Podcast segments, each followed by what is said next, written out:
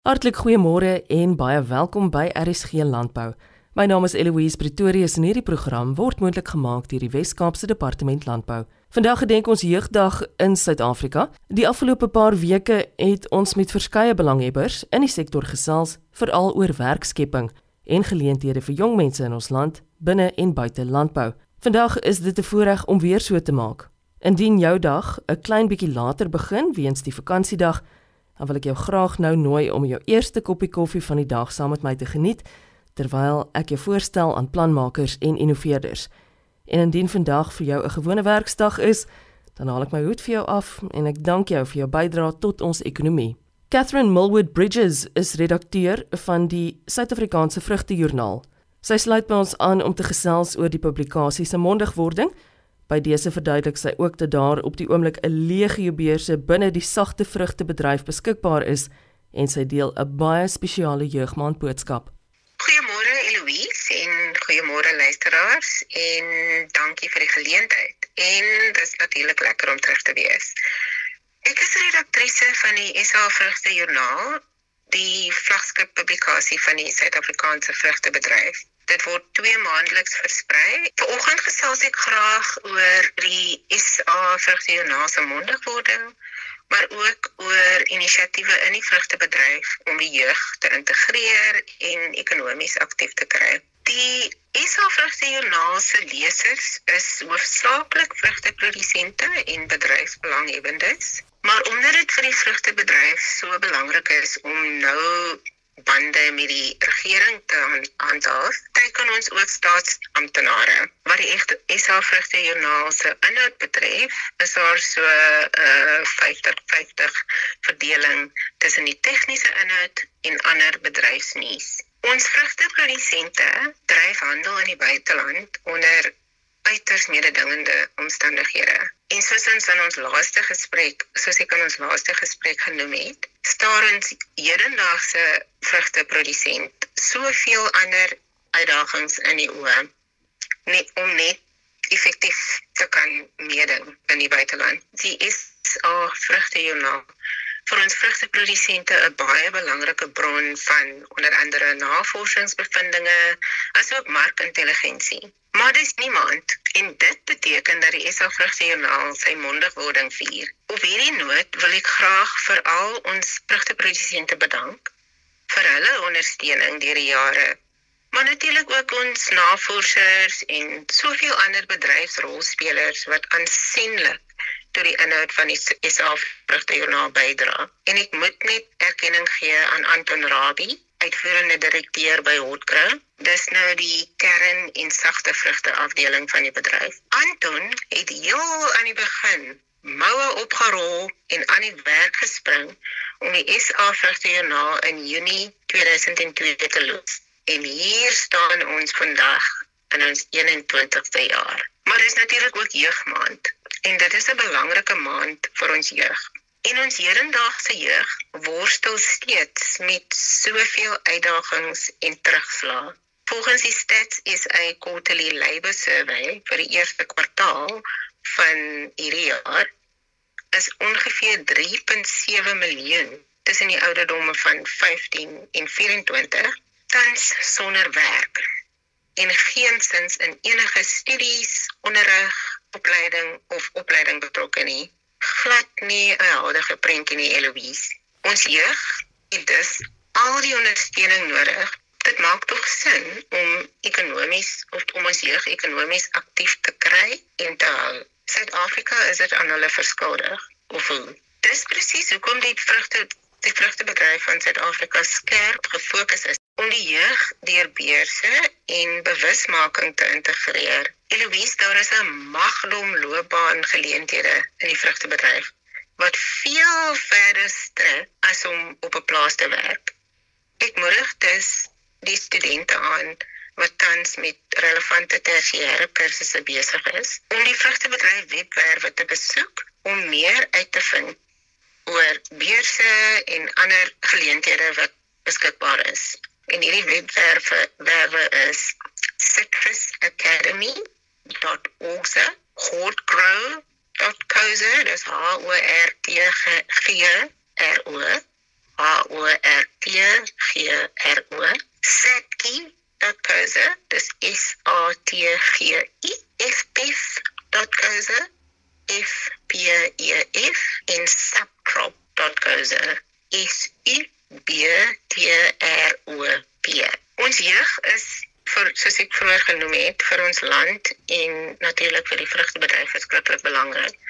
En dit is nogal hartseer dat baie van ons jeug ontmoedig is en nie hoop het nie omdat daar so 'n tekort aan geleenthede is. Ek wil dus in my persoonlike hoedanigheid graag Marion Williamson se beroemde gedig Our Greatest Fear aan ons jeug lees en dit is spesifiek om om hulle te bemoedig. Our deepest fear is not that we are inadequate Our deepest fear is that we are powerful beyond measure.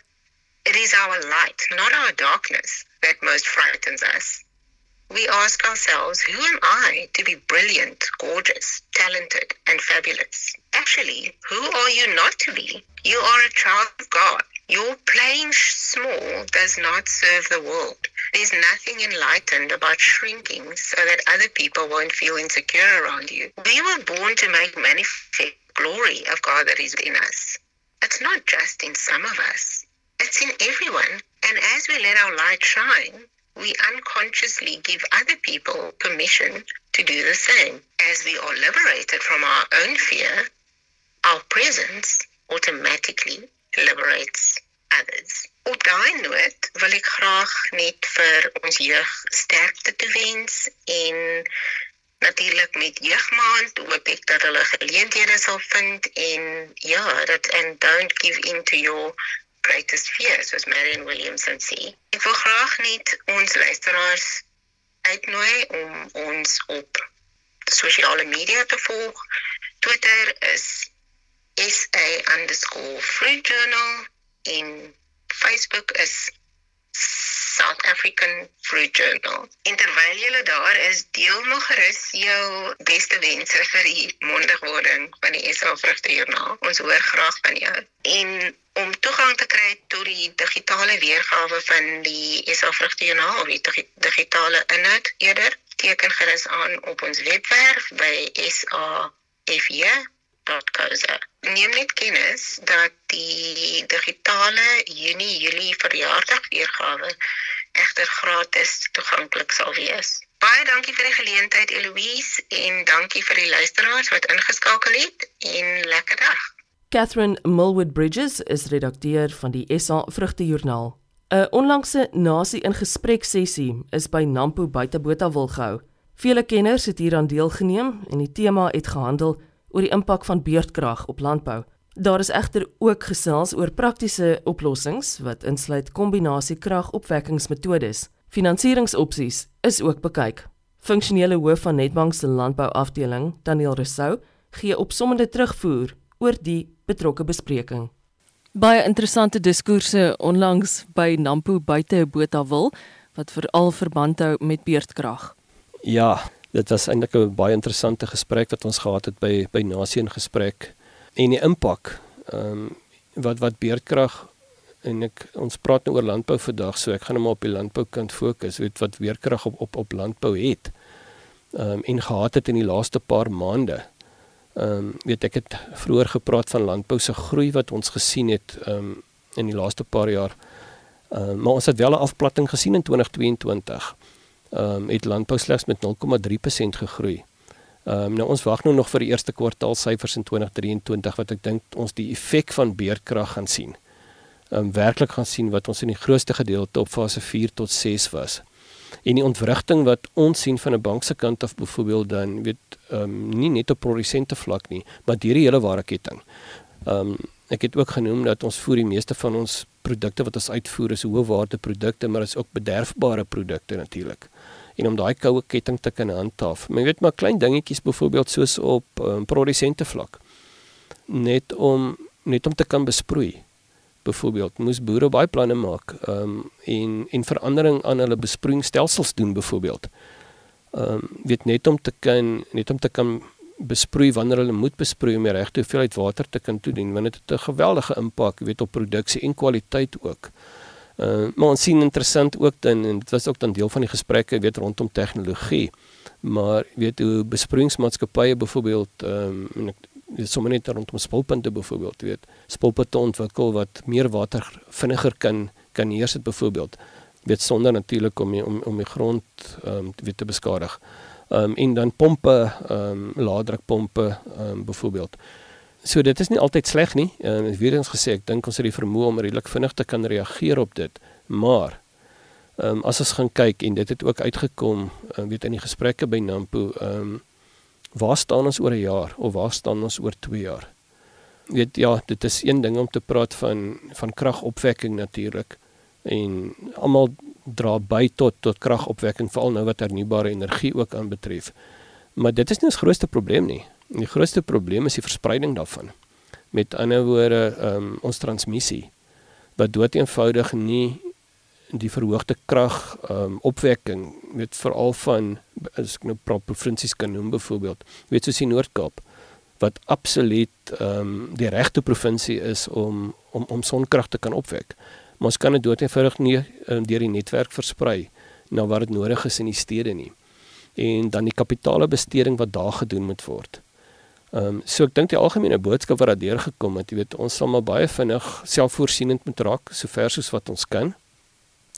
En nie dan ook nie net as individue nie. En hier praat ek nou van individuele produsente. Die realiteit wat ehm um, ek dink baie duidelik deurgekom het, weet in die gesprekke en dit sluit aan natuurlik nou weet by die by die transform transmissie probleme wat ons het en so aan is dit nie net produsente nie, maar ek dink die hele waardeketting om om selfvoorsienend te kan raak indien dit enigstens moontlik is of dan in 'n baie groot mate selfvoorsienend te kan raak. Ek weet dis nie altyd prakties moontlik nie.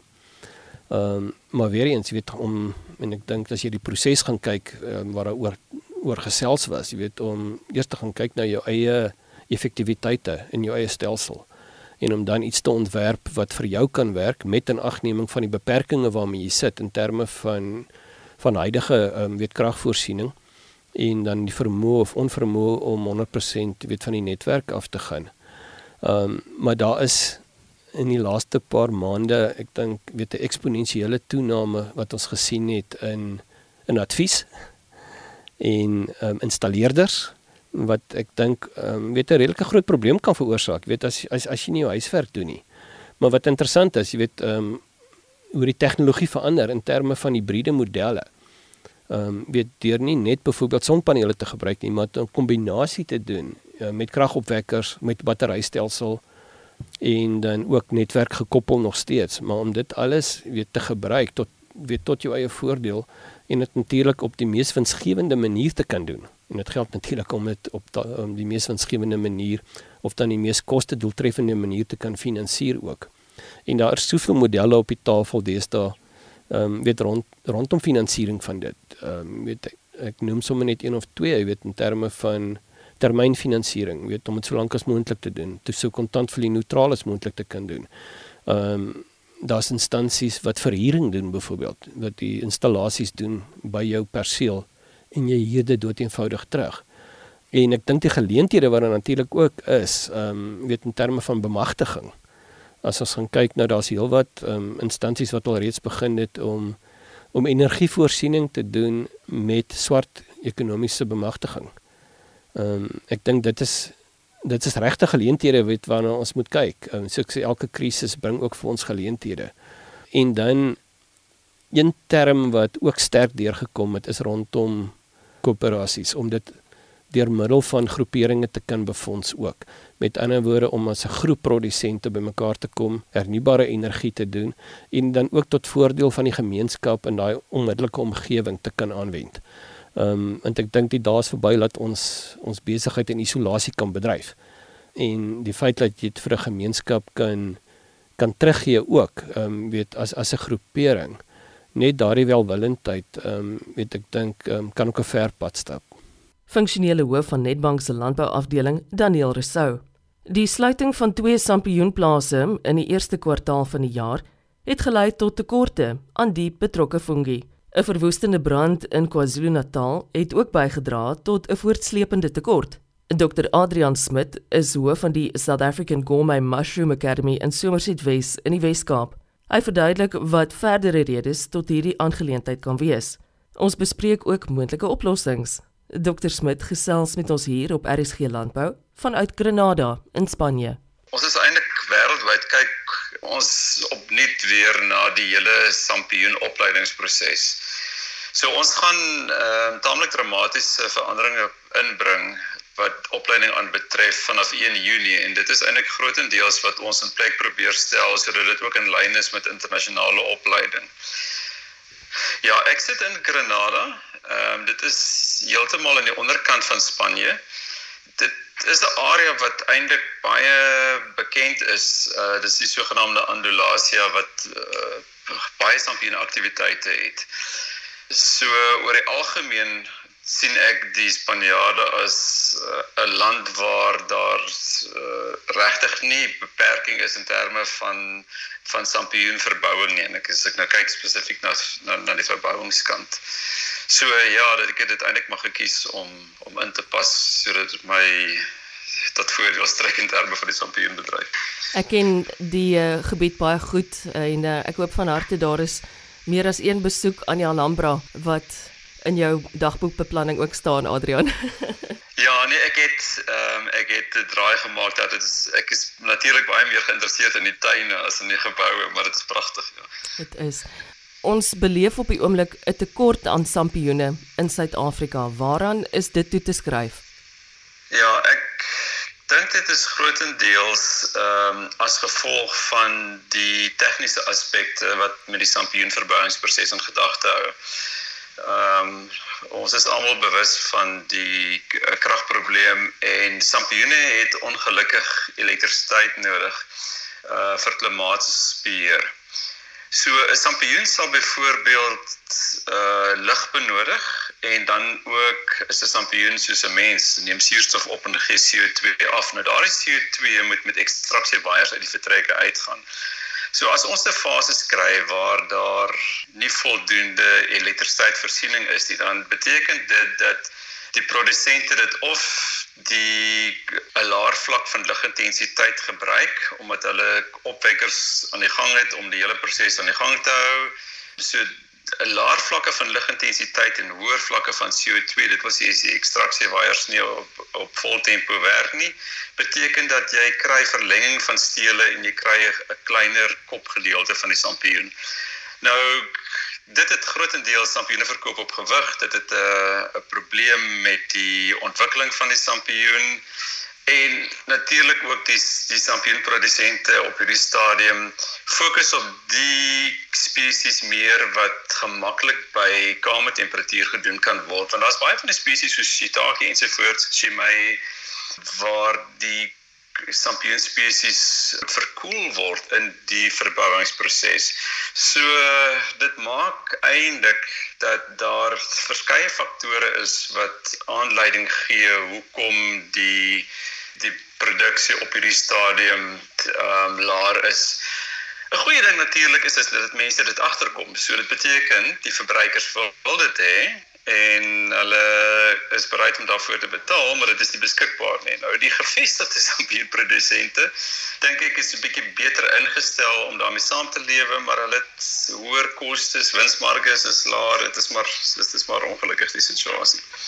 Adrian sê my, wat is die implikasie daarvan as ons te min sampioene in Suid-Afrika het? Ja, ek kry die gevoel dat ehm um, veral spesifiek na die COVID epidemie het mense meer gesondheidsbewus bewus geraak en almal is meer ingestel op dit wat hulle aankoop en ehm uh, wat hulle gebruik om vir hulle etes uh, mee voor te berei.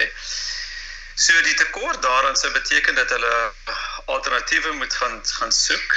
Sampioene is uh, ek ek ek dink dit baie opsigte uniek omdat dit sekere ehm um, mikrovoedingselemente bevat wat eintlik baie noodsaaklik is soos byvoorbeeld selenium ensovoorts. So uh, ja, die tekort, ek hoop uh, dit is iets wat mettertyd meer soos wat produsente gewoond raak aan die struikelblokke waarmee hulle daagliks sit dat dit dat ons alternatiewe daarvoor sal vind om verby dit te kom sodat die tekorte minder kan raak.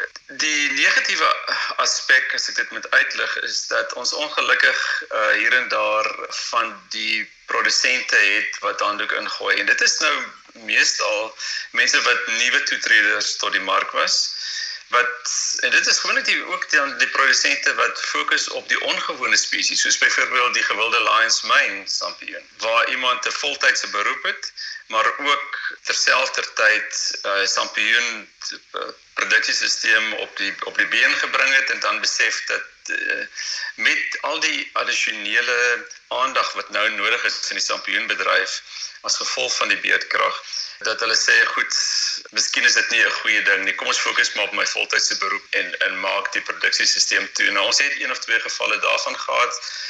In die die die knoopie sampioenbedryf is die situasie natuurlik ook heelwat problematies omdat daar 'n brand by een van die produksiesisteme was in KwaZulu-Natal ensovoorts. Ek kan nie namens die die knoopie sampioenbedryf praat nie. Ek kan kan net praat namens die Komai wat bedryf is wat ook bekend staan as die eksotiese bedryf dit is in baie opsigte is is die ehm um, is hierdie twee lande baie meer ek wil wou sê uh, stampioenvriendelik. Uh, ons kry hier byvoorbeeld die tendens waar jy as jy ingaan in 'n in 'n in 'n in 'n winkel om om sampioene te te koop, dan sal sal jy mens sien dat daar 'n 50-50 verhouding is tussen die sogenaamde knoopie sampioene en die eksotiese of die gourmet sampioene. Waar in Suid-Afrika is is dit baie die gourmet sampioene is baie minder op die rakke sigbaar. Uh, en dis 'n goeie tendens en ons weet dat die internasionale tendens is dat mense dat die dat die gourmet sampioen bedryf baie vinniger groei. So ons sien dit hier. En een van die redes is natuurlik om om te kyk na wat is die spesifieke redes hoekom mense uh, meer geneig is om gommisampioen produkte te kies hier as wat hulle byvoorbeeld in Suid-Afrika uh, sou doen. Uh, Suid-Afrikaners, jy weet die keuses maak. So uh, ja, Portugal en en en Spanje is is, is regtig wonderlike sampioenvriendelike lande. Um, mense hoef nie sukkel sukkel om hulle te nie aan te kry nie, dis selfs in die kleinste winkels. Uh so ja, dit is dit maak dit net soveel makliker en en, en, en dis maar die rede hoekom hierdie twee lande gekies was. Dr Adrian Smit is hoof van die South African Gourmet Mushroom Academy in Somerset West in die Wes-Kaap. Ek hoop van harte dat vanoggend se program vir jou leersaam was. Vir nog heerlike landbou-inspirasie wil ek jou nooi om môre om 12:15 weer by my aan te sluit. Intussen wens ek jou 'n betekenisvolle jeugdag en rustige lang naweek. Ek is Eloise Pretorius en ek groet tot môre.